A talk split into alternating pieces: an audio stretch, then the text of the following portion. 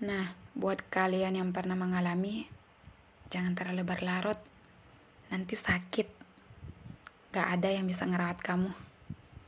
Ya sudahlah. Ya lalu-lalu biarlah berlalu.